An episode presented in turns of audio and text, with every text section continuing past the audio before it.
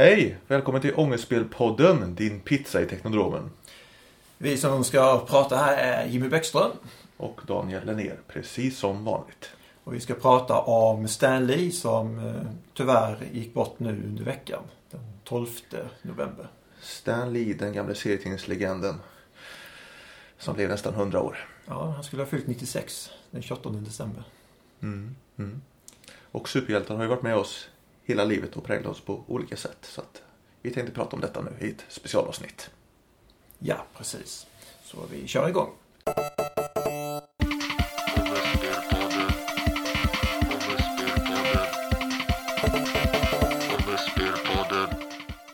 Ja, Stan Lee alltså. Egentligen heter han Stanley Martin Lieber och han föddes i december 1922. Och han dog då 12 november 2018. Det var ett långt liv. 95 år. Mm, och han var med om mycket. Och eh, rent serieväg så han ju var med och både se serier där då hade en låg social status till att bli väldigt, väldigt eh, populärt. Ja. Åtminstone karaktärerna som han var med och skapade. Ja, jag tänkte på det nu när han gick bort här. Alltså att hela superhjältefilmgrejen. Det började ju hända med Sam Raimis eh, Spiderman-filmer kring millennieskiftet.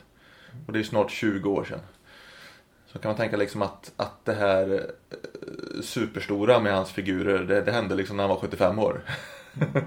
Mell- Mellan 75 och 95 liksom. Det, det, det är rätt coolt faktiskt. Kan man inte säga att den absolut början var Blade? För Blade kom Jo. före Spiderman. Jo, absolut, absolut. Och det var väl där man kanske började satsa på att göra superhjältefilmer i Hollywood eh, och så. Men det var ju, Blade var ju inte den stora blockbustern som Spiderman sen blev. Nej, nej, absolut inte. Sen ska vi inte sitta här och kasta skit på, på Stanley Lee. Det är, det, det är ju lite ett hyllningsavsnitt det här så det är ju lite fel forum för det. Men det är ju lite debatterat vad han faktiskt eh, har gjort och inte gjort så att säga. Eh, Jack Kirby och Steve Ditko var ju väldigt drivande också i början med de här Marvel-figurerna. Ja, jo, absolut. Och de, de, även de stod för eh, illustrationsmässigt vad som står på credits så att säga. Eh, så har, har de båda haft stor medverkan, eh, hjälpt till mycket. Ja, för Stan Lee är ju inte är ju ingen serietecknare. Han är ju manusförfattare och redaktör och förläggare. Det bör ju sägas också. Precis. Och han hade ju tidigt författardrömmar. Eh, vilket är därför han, han valde att spara sitt namn, Stanley Lieber, till sina Ja, ja. riktiga författardrömmar. Ja, det. det. är därför Ja. Stan Lee uppstod. Ja, just det. Ja, det var väl... Jag vet inte hur det var när han kom in i, i serietidningssvängen där. Alltså det, det var väl... Det var väl inte hög status då heller egentligen. Det var Nej. ju liksom eh, kioskunderhållning, eh, billig underhållning liksom som eh, skulle ut varje vecka liksom. Ja, han har själv sagt i intervjuer att ehm, han vill inte säga att han skrev för serier. Utan om någon frågar vad han arbetar med så sa han att ja, jag är författare. Men, men inte mer än så. Ja, okej. Det är ju häftigt då för under hans liv så har det fått mer och mer status kan man säga. Ja, precis. Han har egentligen präglat förlaget från 40-talet fram till eh, 90-talet. Ja, och sen senare. En, ända fram till våra dagar egentligen. Eh, på senare år så har man mest sett honom i form av roliga cameos i precis alla Marvel-filmer. Ja. Hur är det där? I början tänkte jag liksom att han var med i de filmer där han hade varit med och skapat karaktären. Eh, men eh, det har spårat ur lite va? Han är med även i andra filmer va? Ja, det dyker upp lite andra filmer också. Eh, men det som är nästan, har nästan blivit kravet är att är det en Marvel-film så ska Stan Lee dyka upp någonstans. Ja. Och de har ju även spelat in scener, cameo-roller för kommande eh, Marvel-filmer. Det kommer väl en Avengers eh, Infinity War 2 framöver och lite annat. Ja, bland annat ja. Mm, Så att, mm. eh, Det är ju säkrat, om man ska använda den termen, eh, Ja. för några filmer framåt. Lite cyniskt och så här bara, ja du är ju 90 plus nu så vi eh, bunkrar upp med lite bilder på dig här. Ja. ja, det är lite märkligt men... Ja. Ja. Ja, men jag tycker att det, det har varit kul att se honom i Marvel-filmerna där. Det är ju ofta någon här skruvad roll. Så här. eh, Han klippte ju Tor till exempel i Tor Ragnarok. Mm. En konstig, bisarr rymdfrisör. Det är ofta liksom roliga roller och sådär. De har gett honom. Vad är det då han har gjort Stan Lee, som sagt? Ska vi försöka reda ut det. Mellan 41 och 42 och senare mellan 45 och 72 så var han chefredaktör på Marvel. Och åren 72 till 96 var han förläggare på Marvel. Eh, har jag noterat här. Men han kom väl in tidigare än 41 egentligen. Han kom väl in 38 eller någonting. Ja, det första han gjorde så vitt jag förstått har varit uh, fylla i pratbubblor. Ja. Ehm, eh, rätta, rätta till uh, fel som har kanske dykt upp. Det var väl så i seriebok, eh, i seriebokbranschen förr liksom. Man fick liksom jobba sig in så man fick ett sketjobb i början liksom. Fick man jobba sig uppåt. Ja, precis. Ehm, det är lite så jag fått uppfattning också. Men sen är ju 60-talet lite en startpunkt för hans eh, produktion då. Och det var ju då de kända skapelserna kom till. Spiderman, Fantastiska Fyran, Hulken, Iron Man, Thor, Daredevil, X-Man och Doctor Strange. Ja, just Fantasy 4 ser jag som en startpunkt i och med att det var då han eh, funderade på att lämna branschen. Han var trött på den. Men eh, Joan, hans fru, som gick bort förra året. Eh, hon sa den skriv en story som du själv vill. Och då, då kom som du själv vill ha den. Och då skapades Fantastiska 4 tillsammans då med Jack Kirby. Ja, just det. Och det han gjorde egentligen då var att han tog, tog den klassiska superhjälteformeln. Fast han gav superhjältarna eh, mänskliga alter egon som hade problem och bekymmer och sådär. Eh, och då blev det lite, lite nyskapande kan man säga. För att eh, Superman hade ju inte några bekymmer. Nej, bland annat. Det var just, eh, eh, just det här super låg, låg väldigt mycket i, i berättandet. Och det var att ta bort. Alltså fokuseringen. Och sen det här att nästan alla de här Marvel-hjältarna skapas ju av olyckor. Så. Mm. Eh, Det är någon jävla gamma-explosion i något labb eller i, i rymden eller biten av en radioaktiv spindel eller eh, Alla hjältar skapas ur en olycka har jag tänkt på. Daredevil, Ja, just det. eh, kanske det bästa exemplet. Så att det finns liksom en inbyggd tragik redan från början. Och det har vi ju när vi har snackat DC-hjältar som Superman och, och, och Batman. Då kommer vi fram till att den här tragiken i karaktärerna den har man liksom fått skapa sent i hjältarnas karriär. Ja, liksom skohorna in så här, va, ja men Superman har också lite ångest för han är föräldralös. eh, Kom vi på nu. ja inte bara det. Det finns ingen Eh. annan kvar. Så att jag vet inte om, eh, om det kan vara en del också. Liksom. Att dels att de, är- de är sprungna ur ångest, hjältarna. Mm. Och sen är de oftast, nästan alltid mänskliga. De är människor också. Människor på dagarna och superhjältar på nätterna. Ja, och måste få sitt privata jag att gå ihop. Peter Parker, Peter. Spider, Spiderman, eh, klassiker. Han måste jobba dagtid Ja, som journalist. Och det här är ju också ett jättebra exempel på det här eh, With great power come great responsibility. Eh, Just, eh, jag tänker på det här att när han har fått Spiderman, eh, Peter Parker, att han har fått superkrafterna och så försörjer han sig som brottare, tror jag det. Ja, just det. Och sen när han har möjlighet att stoppa en tjuv så eh, låter han bli. Som senare i sin tur eh, mördar Uncle, vad heter han? Uncle Ben, Uncle Ben ja, som riset. som riset. Ja, och det är ju på ett sätt en bättre origin story till en superhjälte än Batman origin kan jag ju tycka. För att Bruce Wayne är ju ett barn och han kan ju inte ingripa i den situationen som han Ja, ångrar sen hela livet att han inte ingrep i. Kan säga. Peter Parker kunde ju ingripit och gjort skillnader. Ja, precis. Det blir ju mer att man har hjälpt. Som du säger. Mm.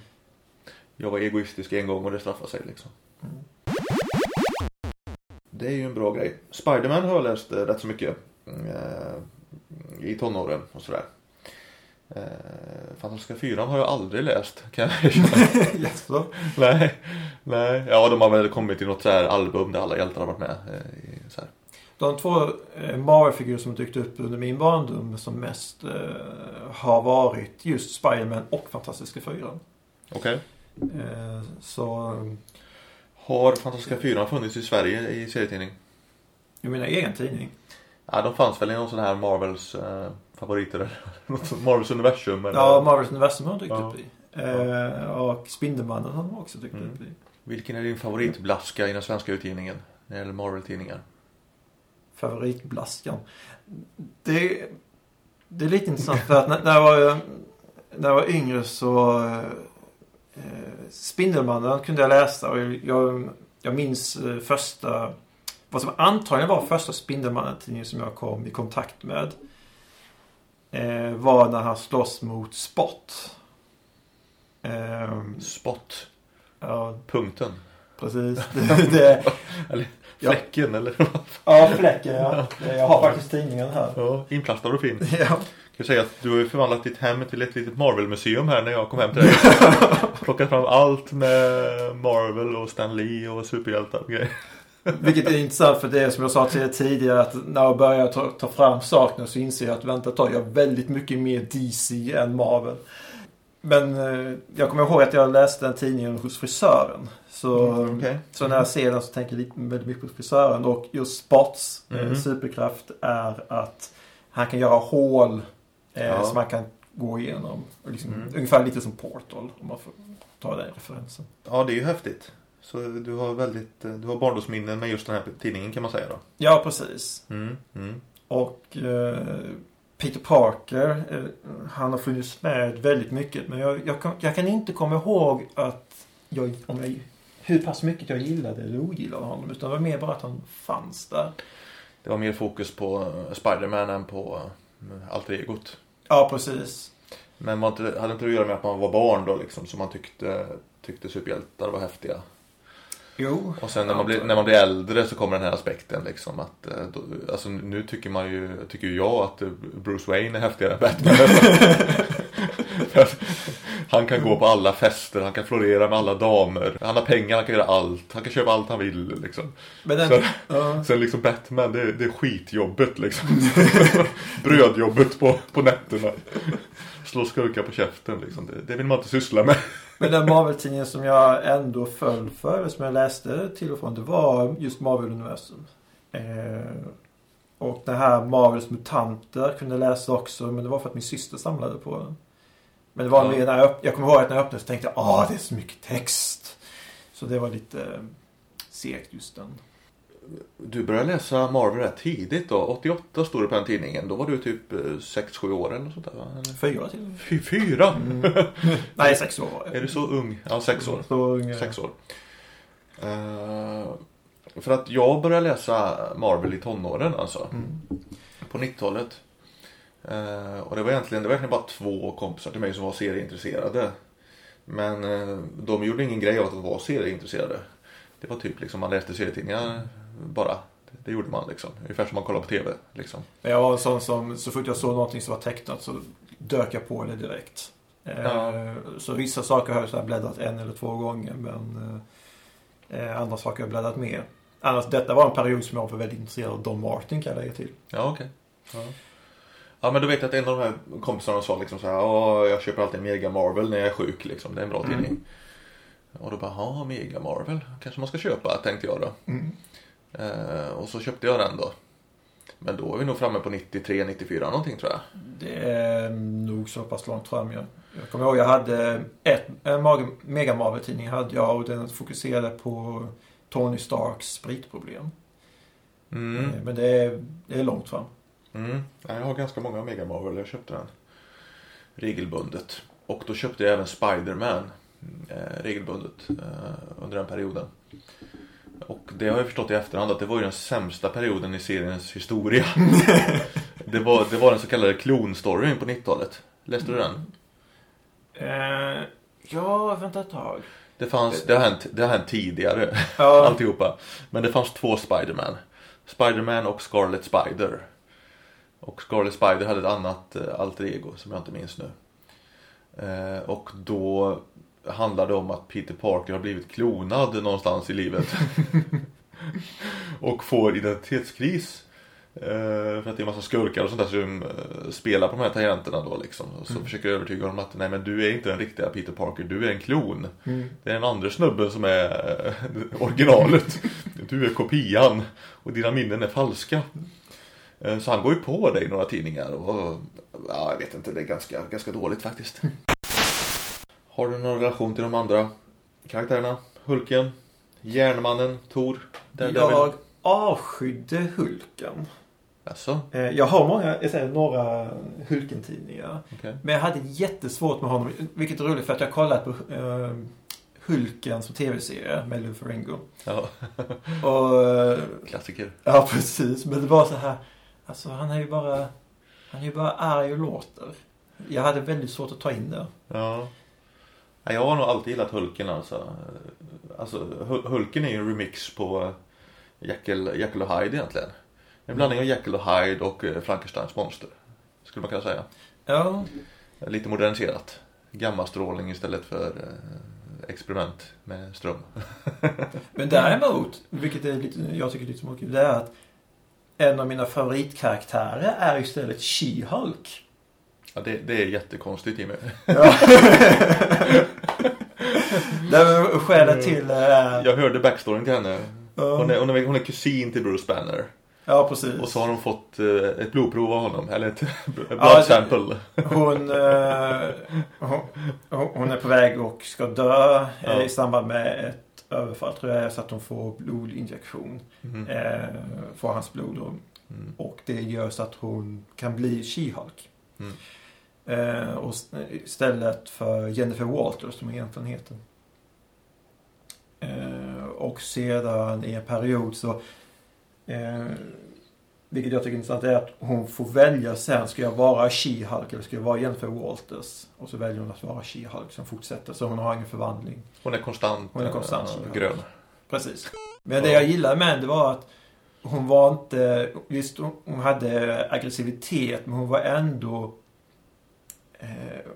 förståndig om man får säga på det sättet. Mhm, Många mm. gånger. Och hon, Ja.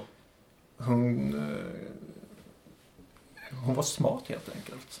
Street smart. Ja, ja hon, hon jobbade som, jag tror det var advokat en Ja. också. Precis som Daredevils alter ego. Mats Murdock. Och de har mött varandra. Ja okej, ja det förstår jag. Det, det är lite ja, kul. Ja. Det var konstigt om de inte hade mötts i, i branschen. Ja. Jag, jag tror att jag har gillat eh, Hulk alltid, eller Hulken som man sa, när man var liten.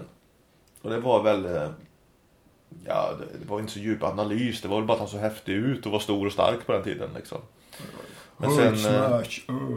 Det Ja, var liksom bara det jag tyckte. ja men sen, sen när jag blev vuxen så tycker man liksom det här att, att den här ostoppbara kraften tycker jag, tycker jag är lite coolt. Att, att man inte kan kontrollera sig liksom. Och springer på som en jävla murbräcka liksom. Men om jag tänker på hur Hulk ser ut idag, om vi utgår från filmversionen och så, så är jag mer intresserad av Bruce Banner än av Hulk.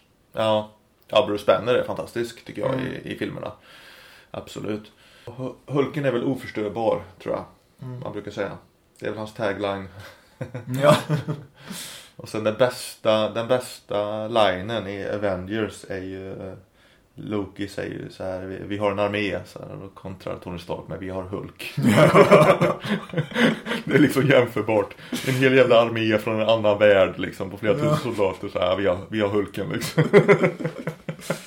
och sen har han ju den liksom svagheten att han kan förvandlas tillbaka när det är som mest olämpligt. ja. Nej men det är lite kul att, att man har växt med de här superhjältarna och att de har liksom eh, skiftat fokus lite. Eh, för en själv kan jag tycka. Nej, det man tyckte var bra var väl Wolverine tyckte man var bra också. X-Men serien han kom in i. Mega Marvel. Och X-Men är ju Stanleys påfund också. Om jag har fattat rätt. Ja. Åtminstone Eh, är han co-creator där också. Och det var ju det här att eh, var ska alla mutanter träffas? Ja men tänk om de går på samma skola när de är unga allihopa. Då, då blir det en logisk samlingspunkt. Ja men då kör vi på det. Då kan de ha någon eh, mutantlärare som är supermäktig men också svag. Ja, det var en bra idé. mm. Ungefär så kom väl det till tror jag. Ja, väldigt, eh, väldigt smart upplägg. Det är ju enormt samhällskritiskt, måste jag säga. Ja just det, det här med utanförskapet. Eh, för mutanterna och sådär. Vilket också är någonting som var väldigt bra författarmässigt som har tagits upp i serierna även efter eh, Stan Lee. där, Att, eh, Marvel är väldigt samhällskritiskt. Ja, säga väldigt samhällskritiskt vet jag inte men det, det smyger sig in lite, Mm. lite sånt. Det gör det ju absolut. Marvels, Mar, Marvel Mutant. Mutanter. jag tror den heter Marvels Mutanter. Men det heter Marvel Mutanter bara. Svenska tidningen. Den kommer jag ihåg, den köpte jag något enstaka nummer av. Men det var som du sa, man tyckte det var lite, lite mycket text och lite jobbigt att läsa och sådär. Ja, det var lite svårt liksom att hänga med just Ja. i den åldern. Ja. Och sen blev det... Jag var mest fascinerad av humorserier eh, där när jag var i tioårsåldern faktiskt. Mm. Så jag läste ju jävligt mycket Knasen och, och Larsson och Serieparaden faktiskt. I den eran, inte så mycket äventyrsserier faktiskt. Jag läste dem också. Det var som, som sagt, jag slukade allting som hade med, som var tecknat. Ja, Eh, fast Don Martin var fa- favoriten. och Martin var huvudfavoriten. Ja. Men du läste aldrig Svenska Mad så mycket eller? Nej. För där var ju Don Martin med också. Ja. Det var ju min Mm, inkörsport på både Don Martin och Jag hade ett, sjuk humor. jag hade ett album eh, med, med svenska med under uppväxten. Men eh, den har jag inte kvar längre. Men det var ingenting Don Martin alls där. I den. Nej. Nej, det är alltså Mad, det är ju en ganska konstig tidning. Mm. Eh, kan man säga. Så stommen var ju de här eh, parodierna på filmer som gick på bio. Egentligen. Och lite konstiga serier.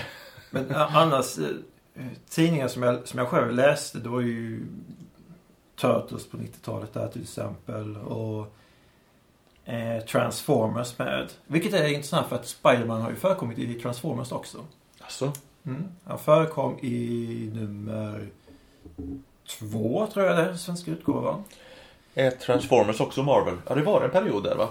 Ja, det är Ja, Hasbro och, ja just det. Och de och behöver Marvel någon... Production eh, som Ja, stod det. bakom eh, Ja. animationen. Ja, Så Nick Fury dyker också upp ja, precis som Star Wars har varit på Marvel. Conan har varit på Marvel. Mm. Alla har varit på Marvel.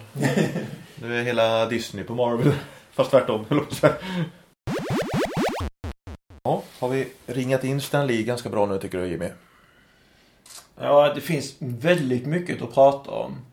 Eh, nu har vi pratat väldigt mycket om sånt som också har kommit i resultat av hans karaktärer. Som han, Och vår, vår egna relation till hela Marvel-grejen Mm. och eh, de serietidningarna. Och eh, jag kollade lite grann i de tidningar som jag har för att se om jag hade någonting som han faktiskt då skriven som just författare, som manusförfattare. Och eh, förutom She-Hulk så har jag även Tales of the Zombie. Mhm. Där har han gjort, i just den utgåvan jag har så har han gjort två berättelser. Eh, så det är kul att se där att det är väldigt skilt. Som han har, som nämndes tidigare, som han har hållit sig igenom. Det finns säkert de som tror att Stan Lee har skrivit allt. Och jag är säker. Eller, eller typ, typ allt. Och det, det, det är ju inte så, kan vi ju enas om. Nej, precis. Det är ju väldigt många kreatörer inblandade i de här serierna. Man kan säga det att eh, Stan Lees eh, främsta egenskap det kanske var att han blev så gammal. Att han överlevde alla andra. Ja, Och han blev ju lite posterboy för företaget, får man ju säga.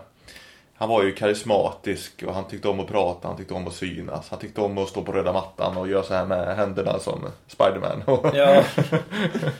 ja precis. och sådär va. Eh, väldigt utåtriktad. Eh, åtminstone, Medial person. ja. Åtminstone som, som Stan Lee, om man får säga. Ta Stan Lee som en karaktär. Ja. Han har ju även träffat Spiderman i Animated Series till exempel. ja. Så han förekommer ju själv som seriefigur och animerad figur också. Men både han och Kirby har dykt upp i serieform. Alltså i så här litet hörn någonstans. Ja, ja. Jag vet ju Jimmy Wallin som vi båda känner framhåller ju Jack Kirby som eh, det stora geniet kanske Mm. i Marvels tidiga år. Eh, Och han var ju tecknaren som eh, skapade många av de här figurerna. Ja, just det, den illustrerade biten. Eh, Det är ju en berättande det också. Ja, just det. Man kan ju Spiderman liksom utan, utan sin dräkt eh, är ganska platt på något sätt eller så. Mm. Det är ett helt paket liksom med både, både storyn och backstoryn och utseendet. Hur det funkar när han skjuter näten och hur han ser ut när han svingar sig. Mm. Var fascinerad av i tonåren vet jag och även när den första filmen kom där. Att han, han gör ju så häftiga poser i luften. han, kom, han kommer svingande. Vi har också olika, hurdant, eh, olika tecknare har valt att eh, gestalta de här poserna och allting. Det är, Ja. det är lite häftigt. Och det blir ju mer och mer extremt. Och det kulminerar väl kanske när Todd McFarlane eh, ritade Spiderman i, på 90-talet. Då var det mycket knän ovanför huvudet. jag säger. Jag vet, jag satt, satt och ritade av Spiderman där i helt omöjliga poser. Var man fascinerad av. Det såg man lite sen i Sam Raimi-filmen där att han, han kunde landa i de här poserna och sånt där som man känner igen från serietidningen. Det tyckte man var coolt. Man vill ju känna sig lite smart när man ser de här serietidningsfilmerna tycker jag. Man vill liksom sitta där och, och nicka igenkännande. Ja men visst är det så. Annars tror jag inte jag skulle gå och se Avengers och sådana här filmer. Om jag inte vill sitta där och, och nicka lite instämmande och känna mig lite nöjd och, och glad liksom. Om vi säger så här nu eh, avslutningsvis. Hur tror du att Marvel kommer att se ut nu i framtiden? Vad kommer, vad kommer hända för något mer? Eh, Marvel idag är ju nästan bara film och prylar. Alltså serietidningarna kanske står för 5% eh, av omsättningen eller om, om ens det. Liksom. Så att det råder väl ingen tvekan om att framtiden ligger i, i film och spel och, och, och t-shirts och eh, leksaker. Eh, Stan Lee, alltså han har ju gjort roliga cameos de senaste 20 åren. Men jag vet inte hur drivande han har varit kreativt. Antagligen inte alls Han har så ju mycket. varit med ansiktet utåt så vitt jag har Ja. förstått det som. Eh, Marvel har haft sin Walt Disney i livet fram till nu. ja. Kan man säga. Och frågan är nu, vem finns det som tar över den rollen? Kanske inte bara just från Marvels håll utan överhuvudtaget vem i serievärlden har en sådan utåtriktad roll? Ja, det, det är väl ingen egentligen. Nej, det, jag- det, det är väl skådisarna, filmstjärnorna som är de nya ansiktena utåt. Ja, det är så jag också började tänka lite grann när jag funderade på det. Du har lyssnat på Ångestspelpodden avsnitt 55. Det var faktiskt eh, i juni senast vi satt och snackade skit och gjorde en podd. Ja, men det har hänt mycket däremellan. Då var det E3 vi snackade om och summerade. Ja. Satt i... Och sen innan dess var det också ett tag sedan. ja, jag gjorde en podd eh, om brädspelscaféet i våras också där. Men eh, innan det så var det nog ett tag sedan. Ja, jag tänkte på att, Ja. att du och jag sa. Mm, mm. Men det, det är ju tid som eh, ska komma in. Ja, det är lite svårt att få, få ihop det. Och jag kände att jag bara satt och redigerade poddar ett tag. Det var allt jag gjorde liksom. Eh, så istället har jag bara suttit och redigerat film på kvällarna. ja, men det var ju det jag ville göra. Jag ville satsa lite på serietecknandet och eh, filmredigerandet. Eh, inte bara poddredigerandet. Kände jag. Så det, det har jag gjort. Och vi ser hur uppskattat det här är. Hur många som lyssnar. För det är ju lite så också. Ser man typ fem har lyssnat då känns det ju sådär. att göra, och göra poddar också kan jag tycka. Och återigen, det finns jättemycket att prata om Stanley. Eh, just hur hans samarbeten har varit. Till exempel, han har ju skrivit åt DC också. Ja, han gjorde den här Just Imagine-serien. Ja, ja.